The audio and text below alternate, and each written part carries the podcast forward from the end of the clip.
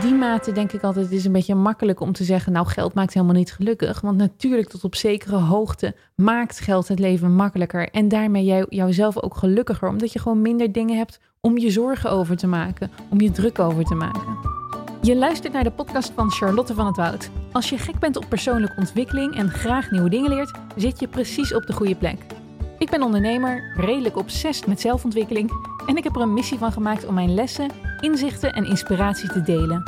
De meeste mensen kennen mij via mijn Instagram Celine Charlotte of hebben een cursus gedaan van mijn bedrijf Sea Academy. Alright, ik kreeg laatst een DM en in de DM stond iets in de trant van wanneer weet je of het genoeg is, of je genoeg geld verdient. Is er een soort van deksel of een grens dat je zegt, nu is het klaar. En ik kan die vraag op meer dan 80 manieren beantwoorden. Maar een van de allereerste dingen die altijd bij mij naar binnen schiet is van, ik denk zo niet. Ik heb niet een bepaald deksel op waarvan ik vind, nu verdien je genoeg uh, geld, Charlotte. Nu moet je iets ermee stoppen. Nu pak je het van andere mensen af en mag jij in ieder geval niet meer meer geld verdienen. Er is zeker wel een soort van level geweest dat ik moet wennen aan een nieuw inkomensniveau. En dat ik mijzelf moet klaarmaken voor een soort van volgend level in geld verdienen. Maar nooit is in me opgekomen dat het niet goed zou zijn of dat het niet mag.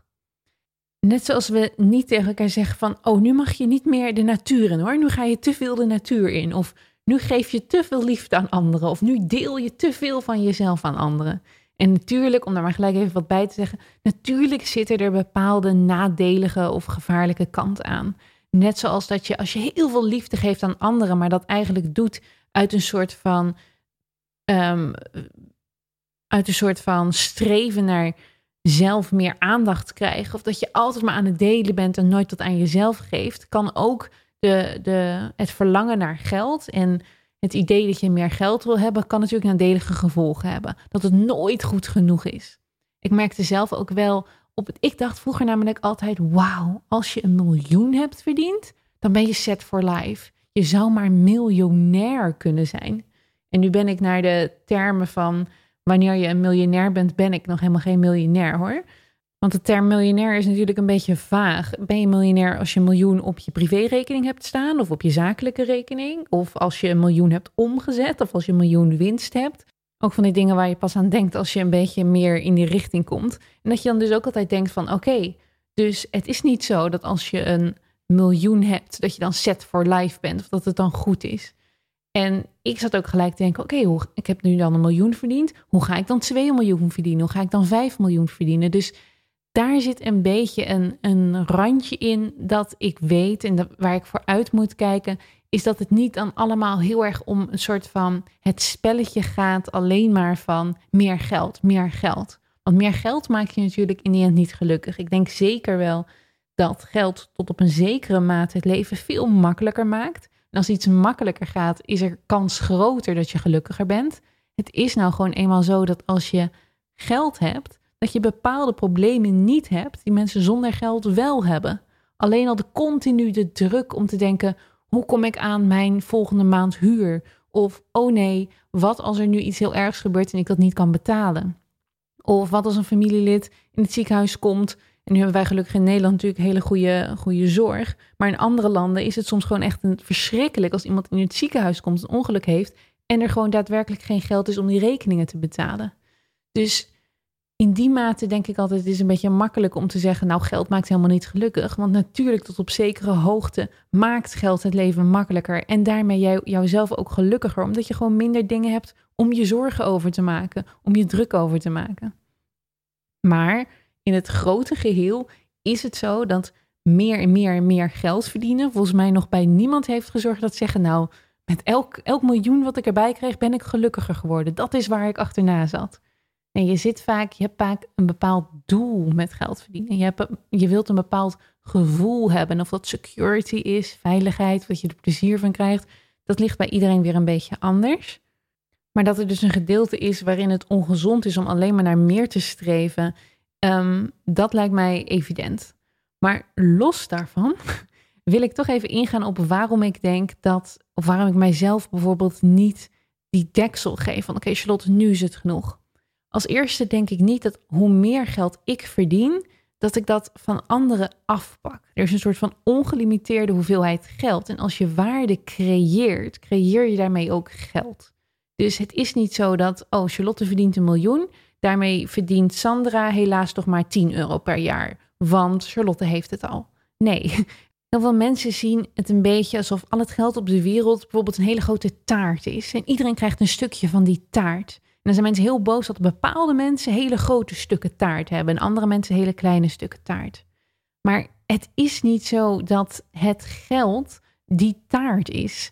Zodra je um, iets van waarde creëert, groeit die taart zeg maar mee. Dus die taart wordt telkens groter.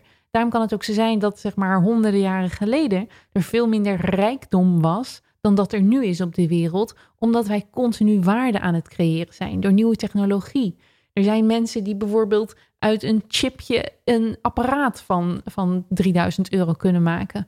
Of op simpelere manier, ik ben nu cursussen aan het maken met alleen maar mijn eigen skills in een telefoontje en ik verkoop het voor waarde. Dus de waarde groeit telkens mee.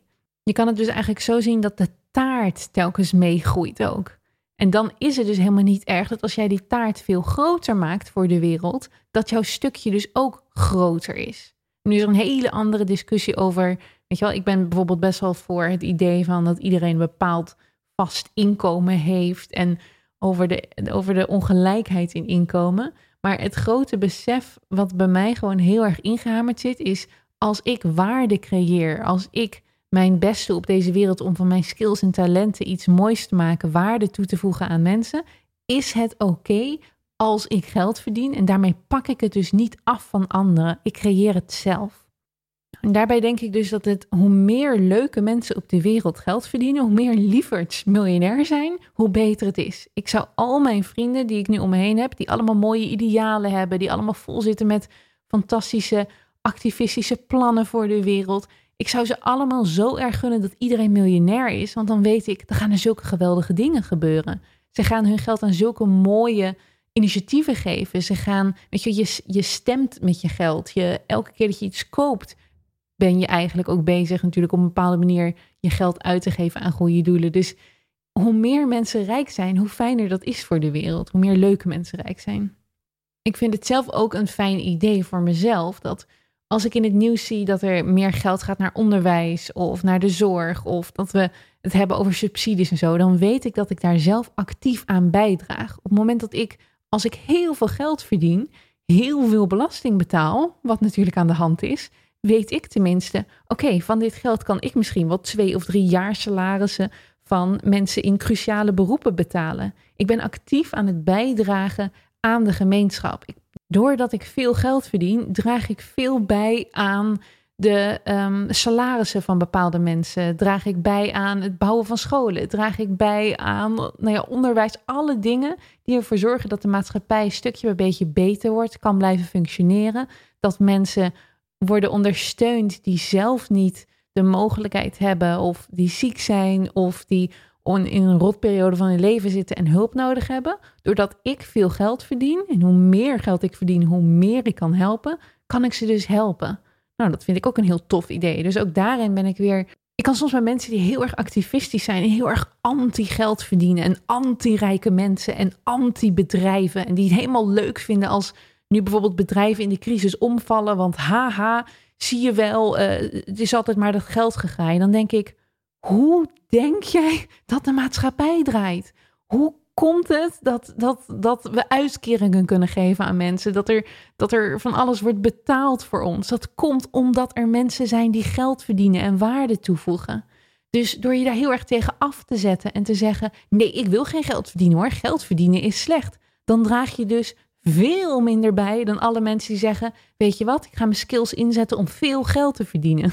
Dus ik denk, ik vind het altijd een ontzettend ik irriteer me daar gigantisch aan, altijd over dat gebash op mensen die geld verdienen of bedrijven die geld verdienen of zelfs op de Mark Zuckerbergs van deze aarde. Dan denk ik, 99% van het vermogen wat Mark Zuckerberg van Facebook verdient, geeft hij weg. Hij geeft zoveel weg. Hij creëert al die waarden en geeft het allemaal weg. En hij krijgt zoveel gezeik over zich heen. Ik vind het onvoorstelbaar. Maar goed, dat is een rant voor een andere keer. Om even verder te gaan op, het, op een van de 150 redenen waarom het fijn is om geld te verdienen. Je kan er ook op psychologisch effect eigenlijk um, meer impact maken. Dus laten we zeggen, jij hebt zelf een hele nare huisbaas gehad. En je hebt uh, jarenlang moeten huren onder die hele nare huisbaas, omdat jij geen geld had om een hypotheek te kopen. En je bent er best wel door beschadigd in de zin van dat je je altijd onveilig voelde in het huis of whatever. Jij kan dus besluiten als je veel geld hebt om een hele fijne huisbaas voor iemand anders te zijn. Om een andere student bijvoorbeeld niet die nare ervaring te geven van een huisjesmelker huisbaas, maar zelf de tofste huisbaas ever te zijn. Ik heb zelf in het verleden best wel vaak nare bazen gehad. Ik heb heel veel bijbaantjes gehad, echt heel veel. En ik dacht elke keer als ik dan weer zo'n hele nare baas had, waarvan ik dacht, wat, wat stom dat je zo doet tegen mij, dacht ik, als ik ooit een baas ben, jongen, dan doe ik het zo anders. Als ik zo meteen mensen aan het werk zou kunnen zetten, ga ik zo'n ander soort baas zijn. Nou, het is te gek om een ander soort baas te kunnen zijn voor mensen. Het voelt voor mij heel erg alsof ik, als ik een team heb, en ik doe honderd dingen verkeerd natuurlijk hoor, als manager daar niet van. Maar er zijn ook bepaalde dingen waar ik consequent altijd zal kiezen voor hetgene waarvan ik denk, dit hoort een goede baas te doen. Nee, ik lieg niet. Nee, ik draai niet dingen terug. Ja, ik zal altijd voor zorgen dat ik je stimuleer en probeer op te liften. En weet je, al die dingen waarvan ik vroeger dacht, oeh, ik zou het zo anders doen. Dat kan je doen als je zelf waarde creëert, als je zelf geld verdient, als je zelf mensen kunt aannemen, kan jij dus banen creëren voor anderen en er dus ook een fijne baas voor zijn. Dus het is niet eens wat ik bedoel, nou als je heel veel geld verdient, dan kan je dus allemaal hele mooie dingen voor mensen kopen of, of salarissen betalen door middel van belasting. Of draag je dus een groot deel bij aan het speelpleintje voor de buurt, omdat je meer uh, belasting betaalt aan de gemeente of iets dergelijks. Gaat er ook om dat je dus psychologisch effect kan hebben op leuke, leuke dingen die je wil. Je kan zelf die leuke tante, baas of whatever zijn die jij hebt gemist misschien. Waarvan je denkt, dit stukje ga ik anders doen in de wereld. Kijk, geld is natuurlijk ook een middel om jezelf te ontplooien. Het is een soort van het ruilmiddel wat we gebruiken in deze wereld om dingen te kunnen beleven, om ten vol, volste te kunnen leven. En dat is voor mij een van de belangrijkste redenen waarom ik ook graag veel geld wil verdienen. Omdat ik denk dat hoe meer geld ik verdien, hoe meer ik mij kan ontplooien. En hoe meer talenten ik ga ontdekken, die ik nu nog helemaal niet weet dat ik die heb, waarmee ik weer andere mensen verder kan helpen. En ik had hier een discussie over met een vriendinnetje die zei: Het is, het is een soort van bijna alsof je dat als missie ziet, dat jij vindt dat je veel geld moet verdienen, omdat je dan meer kan geven. En eigenlijk, eigenlijk is dat ook zo. En ik zit er nu soms wel eens over na te denken of ik dit misschien niet soms te zwaar oppak in mijn leven. Maar ik voel me zo ontzettend privileged dat ik in dit land ben geboren met de talenten die ik heb en de mogelijkheden die ik heb.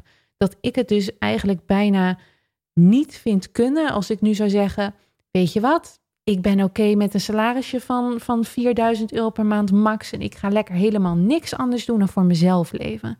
Ik voel heel erg van, nee luister eens, je bent bij die 1% van de mensen die deze kansen heeft gekregen, dus doe er zoveel mogelijk mee. Het voelt voor mij echt als een soort van missie en een soort van druk dat ik denk van, ja, ik moet mensen helpen met wat ik kan.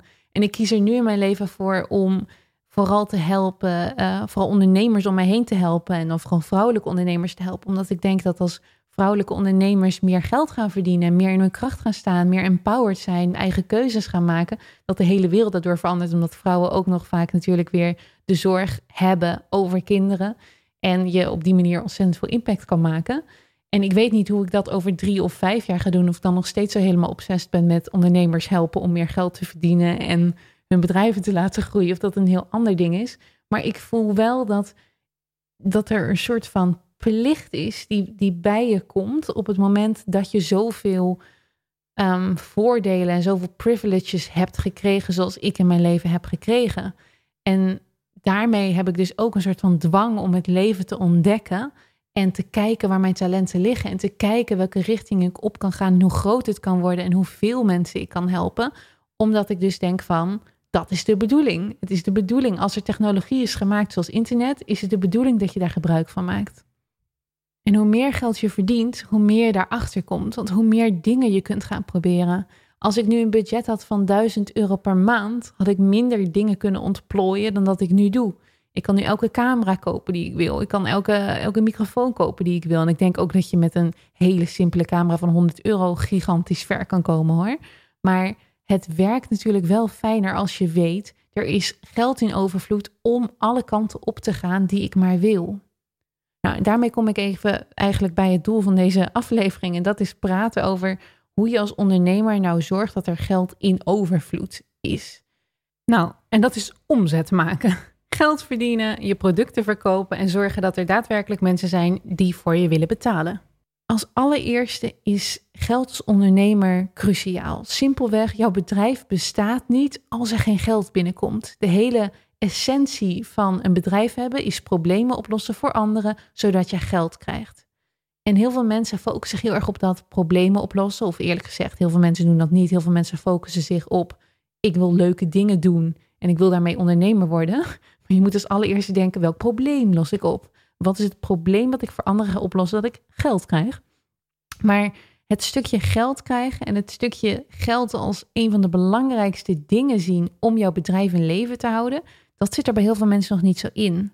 Ik zie, ik zie het zelf een beetje soms zo als een kind, zeg maar, met bedrijven. Ik moet ervoor zorgen dat het kind groeit en bloeit en op een manier zich ontwikkelt dat het de goede kant op gaat.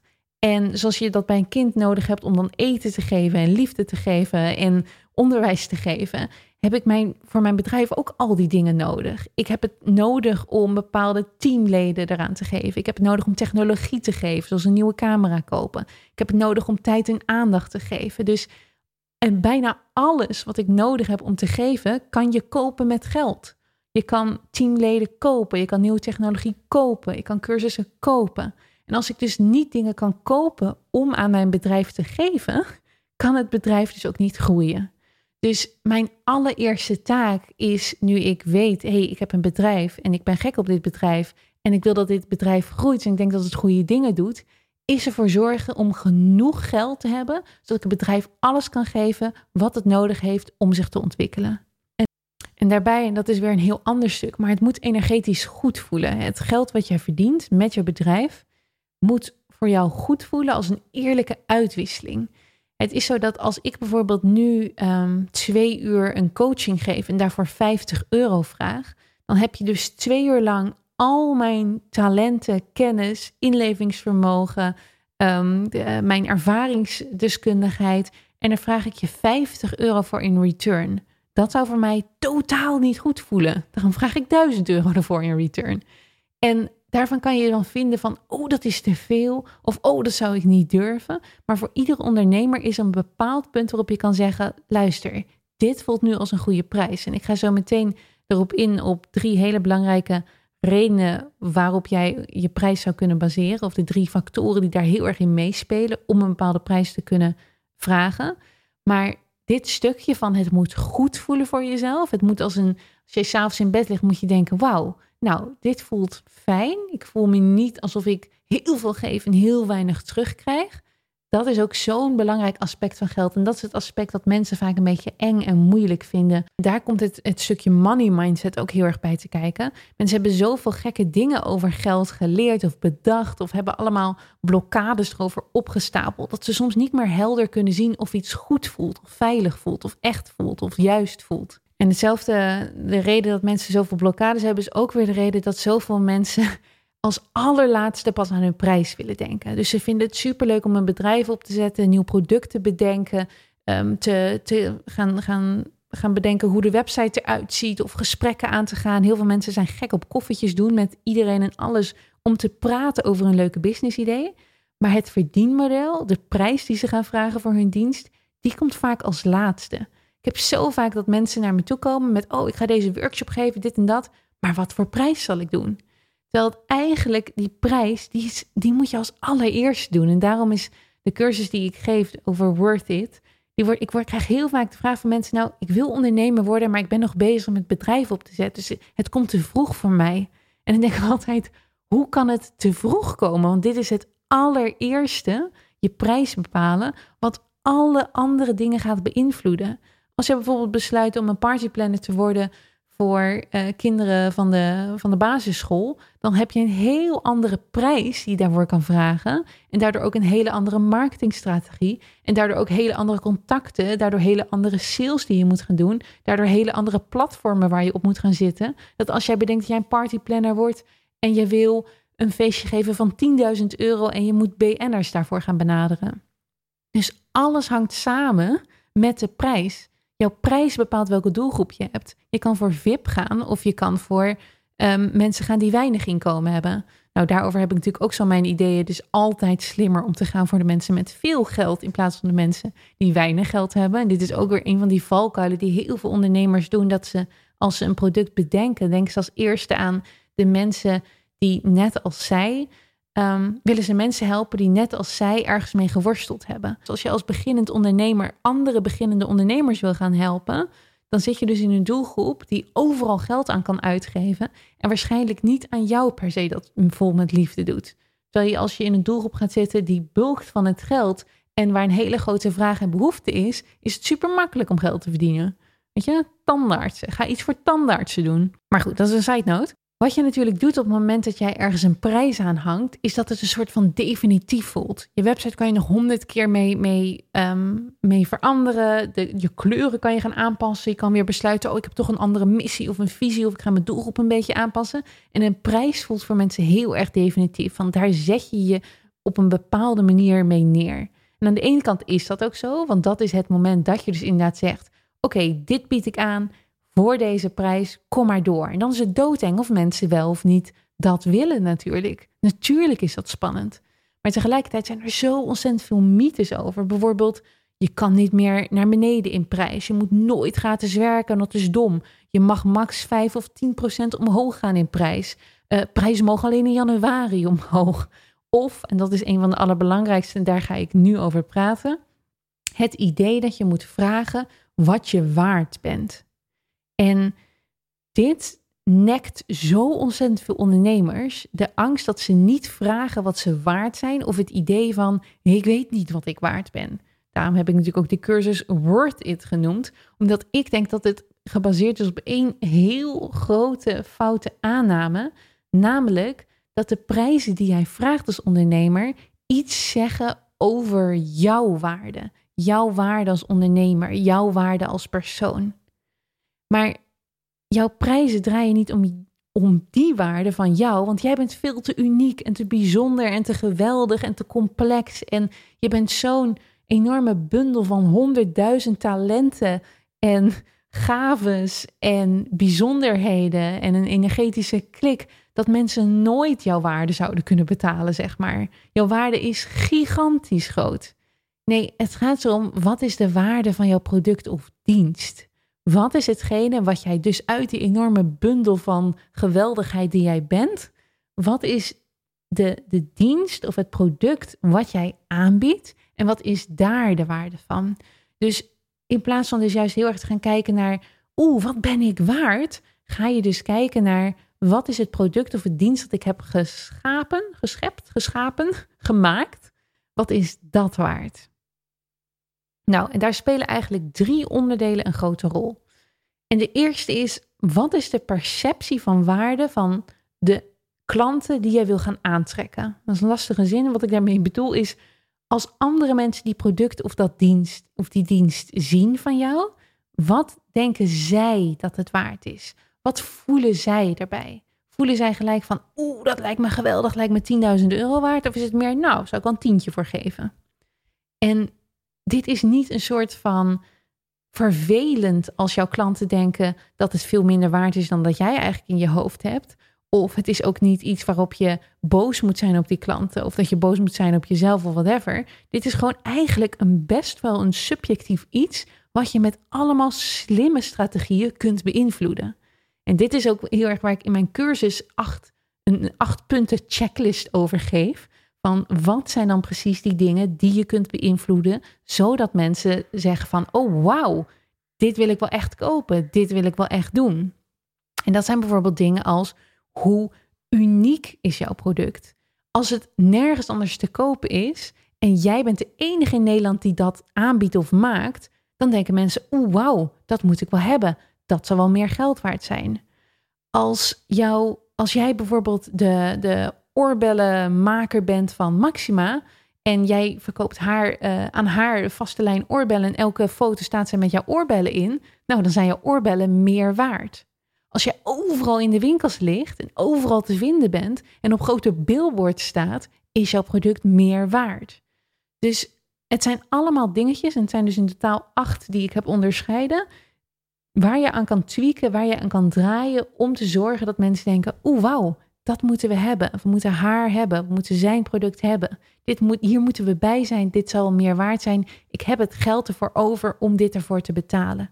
Heel veel reviews is natuurlijk ook iets bijvoorbeeld wat hier aan bijdraagt. Als je ontzettend veel recensies hebt van mensen die zeggen, nou dit product is fantastisch. En dit is natuurlijk ook wat ik altijd heel veel doe met mijn cursussen. Ik laat zien, dit is door duizenden mensen gedaan. Duizenden mensen heb ik geholpen met deze cursus. Dit kan jou ook helpen. Nou, dat is een manier van mij om te laten zien, echt waar, je kan me vertrouwen, dit product is goed. Dit zijn, dit zijn meer de strategieën die je kan toepassen. Gek op zulke dingen. Want dit kan je dus ook op een bepaalde manier beïnvloeden. En daar kan je mee spelen. En daar kan je dan even twee uur aan zitten. En dan opeens denk je: oh wauw, nu, is dit, nu heb ik dit op deze manier neergezet. Nu kan ik de prijs omhoog doen. Dus dat is, dat is factor 1. Het onderdeel, de perceptie van waarde van jouw klant. Het tweede wat jouw waarde van jouw product of jouw dienst en dus daarmee ook de prijs heel erg beïnvloedt, is het soort transformatie of de belofte die jij daadwerkelijk geeft aan mensen. Dus iedereen heeft op het moment dat zij een aankoop doen bij een ondernemer, hebben ze een idee wat ze eruit gaan krijgen. En dat, dat gaat, als je uit eten gaat um, samen met je partner, dan hoop je bijvoorbeeld een romantisch avondje te krijgen met lekker eten. Als je een cursus bij mij koopt, hoop je daardoor meer zelfverzekerheid over je prijzen te krijgen en meer omzet te maken. Dus er zijn allemaal dingen waarop mensen denken: oké, ik ga tot deze aankoop over.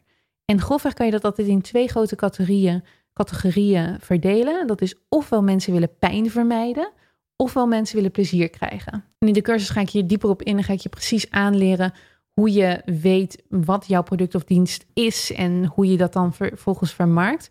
Maar dit is nu even nodig dat jij snapt van mensen kopen het product om een bepaalde transformatie mee te maken, om iets te krijgen ervan. En hoe beter jij in staat bent om mensen daadwerkelijk dat te geven, om te zorgen dat er een transformatie is, om te zorgen dat zij wat zij hoopten dat ging gebeuren ook echt daadwerkelijk gebeurt, hoe hoger jouw prijs kan zijn. Want hoe blijer mensen zullen zijn ermee hoe, hoe meer mensen het zullen doorvertellen, ook dit is weer een ding waar ik heel erg bewust van ben bij mijn prijsstrategie. En een van de trucs die ik toepas, is mensen al continu transformaties geven in mijn gratis content. Deze podcast is niet, tuurlijk ben ik ondertussen reclame aan het maken voor mijn cursus over prijzen bepalen. Dat is de hele reden dat ik deze podcast heb gemaakt. Maar ik geef ook continu al waarde. Dus ik hoop dat terwijl je aan het luisteren bent, dat er al een paar keer een soort van lampje is gaan branden. Dat je denkt, oh wauw, zo heb ik nog niet gezien. Of hé, hey, ja, daar heeft ze gelijk in. En moet je nagaan als ze al, al in die gratis content, waar ze ongeveer 10% geeft van de waarde die ze in een betaalde cursus geeft, moet je nagaan als ik een betaalde cursus doe, hoe waanzinnig goed dat zal zijn. Dus op die manier ben ik eigenlijk altijd in mijn stories, in mijn podcast, in de dingen die ik geef en van mijzelf laat zien als ondernemer, continu waarde aan het geven, zodat mensen transformaties maken, zodat ze allemaal kleine transformaties hebben, tot ze dan denken van nou, nu wil ik ook die hele grote transformatie hebben of ik wil meer hierover weten en ik weet dat Charlotte levert, dus ik koop haar cursus. En dit is altijd een beetje een fine line en ik ben er, ik heb inmiddels zo ontzettend veel content te geven en te delen dat voor mij gelukkig nog wel zo is dat ik geef dus ongeveer 10% van mijn inhoud vaak in, um, in, in mijn stories al. Dus jullie hebben me al vaker over geld horen praten en zo. Maar het echte goud bewaar ik allemaal natuurlijk voor in de cursus. Daarvoor zorg ik dat mensen een mega transformatie hebben. En dat is natuurlijk ook de reden dat al die mond-op-mond reclame over mijn cursus zo ontzettend goed werkt. Dat mensen tegen vriendinnen zeggen: Wow, je moet die cursus doen. Niet normaal. Dus dit is de tweede factor. Dus de eerste factor is um, hoe kijkt de klant tegen jouw product of dienst aan? Dat zijn acht stappen die ik leer in de cursus. De tweede factor is welke transformatie maken ze mee? In hoeverre ben jij inderdaad in staat om die belofte van ik wil dit kopen, want ik hoop dit of dat, die belofte waar te maken. Nou, en de derde factor is, daar komen we bij waar mensen dus meestal alleen maar aan denken van hoeveel ben jij waard als ondernemer? En het draait dus helemaal om jou, met inderdaad jouw fantastische, geweldige persoonlijkheid en alle skills en kwaliteiten die jij hebt. Natuurlijk druipt dat op een bepaalde manier terug in de prijs. Want ik zie een bedrijfje eigenlijk als een soort van klein koninkrijkje. Zeker bij een, een kleinere ondernemer, dus iemand die zijn eentje werkt, tot, tot met weet je, ongeveer max vijf mensen of zo. Alles zijpelt, jouw persoonlijkheid, jouw uitstraling, jouw energie, alles zijpelt door in jouw hele bedrijf. Tot de manier waarop jij zegt: Oké, we gaan na twee weken gaan we een betaalherinnering sturen. En doen we op deze manier. Tot en met hoe de klantenservice is ingericht. Tot hoe jij je presenteert op Instagram over je authenticiteit. Jouw bedrijf ademt natuurlijk wie jij bent. En daar zit het heerlijk in dat hoe meer zelfontwikkeling jij doet. En hoe meer jij focust op bepaalde onderdelen onder de knie te krijgen. En hoe meer skills jij doet. En hoe meer jij werkt aan jezelf hoe beter dat eruit komt voor jouw bedrijf. Hoe meer jouw bedrijf geuplift wordt. Hoe meer ik mij verdiep in een betere manager zijn, hoe beter ik mijn team kan aansturen, hoe leuker mijn team voor mijn klanten is. Hoe meer ik mij verdiep in storytelling skills, hoe beter mijn stories zullen zijn op Instagram, hoe fijner mensen het vinden om naar die stories te kijken en hoe fijnere ervaring ze hebben. Dus alles wat ik mijzelf aanleer als ondernemer en waar ik zelf in groei, dat komt sowieso terug. En daarvoor zullen ook sowieso jouw prijzen kunnen stijgen. Want jij bent gaan stijgen eigenlijk. Jij bent meer gaan verdiepen in jezelf. Dit is ook het stukje waar bijvoorbeeld ervaring komt. En ik lees heel vaak dat mensen zeggen: Oh, ik heb al tien jaar ervaring, dus mijn prijs mag tien keer zo hoog zijn dan net een beginner. Daar ben ik het absoluut niet mee eens. Want je kan zelfs als beginner zeggen van... hey, ik heb een hele andere, jonge, nieuwe visie op dit probleem... dan de mensen die hier al tien jaar mee bezig zijn. En zeker in deze tijd is tien jaar ervaring niet per se altijd goed. Want het kan ook betekenen dat iemand gewoon vastzit. Als iemand al tien jaar precies hetzelfde werk doet... gaat er bij mij altijd een alarmlampje branden. Dan denk ik van, heb je jezelf in die tijd niet ontwikkeld? heb je niet andere interesses, andere paden ingeslagen? Dan weet ik, jij en ik zijn geen goede match. Ik, ik match het beste met mensen net zoals ik flexibel zijn, die paden inslaan, die, die lef hebben om nieuwe richtingen op te gaan. Dus weet je, het ligt er maar ook net aan waar, met ja, wat je zelf fijn vindt. Maar um, ervaring is dus niet per se een trigger om te zeggen, nou dan mag mijn prijs hoger zijn, maar het kan natuurlijk wel zo zijn. Ik kan me bijvoorbeeld voorstellen als iemand tien jaar een hotel heeft gerund en dan een nieuw hotel opzet, dat de ervaring in dat hotel fijner zal zijn dan dat ik in een hotel geslapen van iemand die als allereerste een hoteleigenaar is geworden en de eerste week opent en nog niet precies weet hoe het allemaal werkt. Toen ik bijvoorbeeld net mijn vergaderruimtes had, de eerste tien klanten die hebben allemaal een beetje last gehad van mijn enorme gebrek aan ervaring ik wist helemaal niet dat je bijvoorbeeld van die dikke stiften moest hebben om uh, op een whiteboard te, te krassen. Ik wist überhaupt niet dat mensen misschien een whiteboard wilden hebben. Dus dat zijn dan dingen die ik dan aan het eind van de vergadering hoorde van, oh, het zou wel fijn zijn als er volgende keer een whiteboard stond. En dan ging ik dat als een malle kopen. Ik moest heel snel ervaring opdoen. Wat willen klanten hebben? Ik had niet door aan het begin ook bijvoorbeeld dat mensen Um, die zitten vaak zo in vergadering dat ze het heel onprettig vinden als er iemand komt die de hele boel gaat verstoren en uitgebreid een lunch gaat klaarzetten. Ze willen gewoon liever dat die ergens in een hoekje bezig is en dat ze zelf de lunch kunnen pakken. Dat zijn dingen die ik allemaal niet wist en die ik nu allemaal weet. Dus als ik nu met mijn ervaring van vergaderruimtes een nieuwe locatie open, gaat dat veel vloeiender zijn dan iemand die net nieuw een vergaderlocatie opent, snap je? Dus er zit altijd een, een stukje in de prijs dat je kan zeggen van oké, de ervaring, de skills, het talenten van de ondernemer, die gaan daarin mee. En niet zo dus op de directe manier van oké, ik ben een ervaren ondernemer, dus de prijs gaat tien keer hoger, maar het zijpelt wel door. En dit is ook iets waar je gewoon heel eerlijk naar jezelf moet durven kijken. Heel scherp durven denken van, ben ik hier daadwerkelijk zo goed in dat ik deze transformatie kan waarmaken? Kan ik met wat ik nu kan ook echt beloven wat ik zeg dat ik ga beloven? Is dit, zoals ik het heel mooi op mijn salespagina schrijf, ook wel echt waar? En dit is zo ontzettend moeilijk om te doen voor mensen. En ik heb soms nog niet helemaal helder wat het nou precies is, maar het zal een mengeling zijn van dat mensen denken: oké, je klopt dingen op. Als je dingen wil verkopen, moet je jezelf groter voordoen. Dus ga ik zeggen dat ik alles over dit onderwerp weet en de allerbeste hierin ben, want zo hoort het. En dan dus kijken naar anderen, kopieer je dat gedrag en zet je het er neer, ook al voel je het niet zo. Een ander aspect is denk ik dat je misschien te snel hoort van anderen. Oh, daar weet je alles vanaf. Oh, wat goed ben jij. Oh, wat slim. En dat mensen heel erg stimuleren om dat te zeggen. Hier ben jij inderdaad heel erg goed in. Maar als je jezelf eigenlijk op een heel eerlijk niveau zou vergelijken met andere mensen, denk je, nou, valt eigenlijk nog wel mee. Het is zeg maar, jij bent beter dan de mensen om jou heen, maar ben je ook op hetzelfde niveau als alle andere mensen die deze dienst aanbieden, zeg maar. En dan is er nog een derde niveau en dat is dat we vaak niet weten hoe andere mensen hun baan precies doen. Ik denk dat jij als psycholoog kan denken dat jij een fucking goede psycholoog bent. Tot je misschien een psycholoog tegenkomt die nog tien keer beter is, nog tien keer sneller of tien keer dieper kan gaan. En dat weet je eigenlijk alleen als je heel veel praat met andere psychologen en heel veel altijd maar bezig bent om je in je vakgebied te verdiepen. Dat is een van de dingen waar ik zelf, ehm, dat is een van de methodes waar ik mezelf heel erg aan vasthoud om te kunnen meten, ben ik goed in wat ik doe?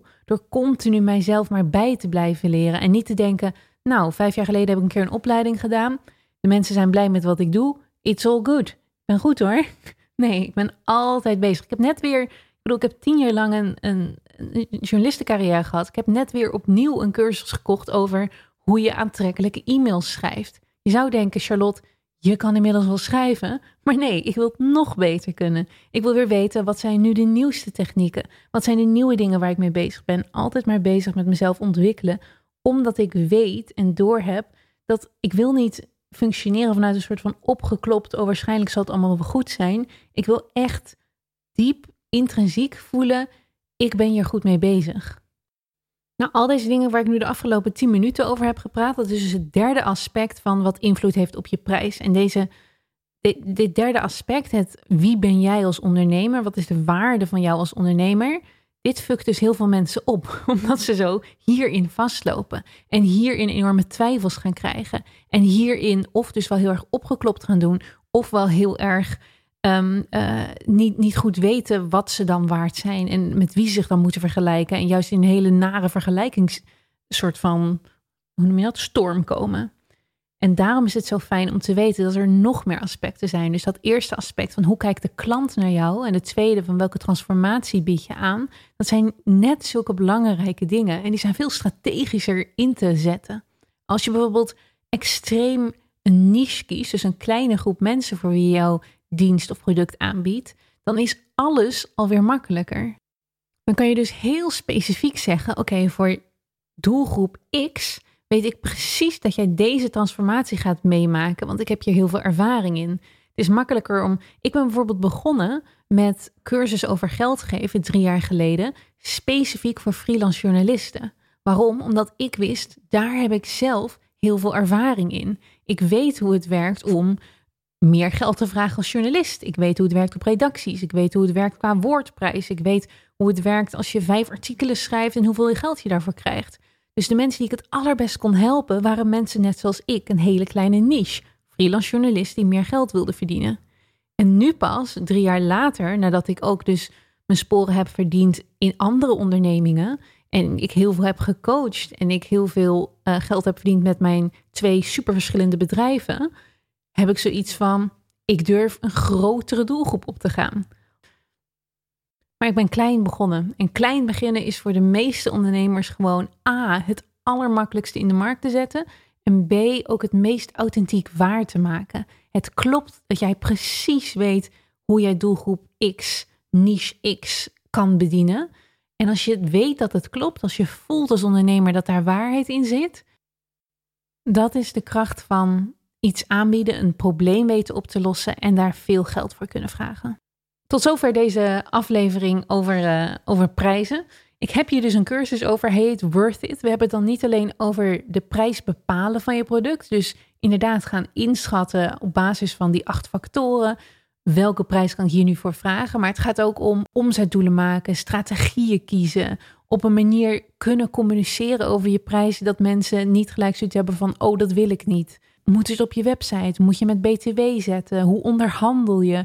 Hoe ga je met klanten om die zeggen dat je te duur bent? Hoe ga je als je een prijsverhoging doorvoert? Hoe ga je dat slim communiceren? Het zijn alle strategische trucjes, regeltjes, um, handigheidjes die ik heb geleerd over je prijs bepalen. En die heb ik dus allemaal in één cursus gestopt. En ja, duizenden mensen hebben gedaan.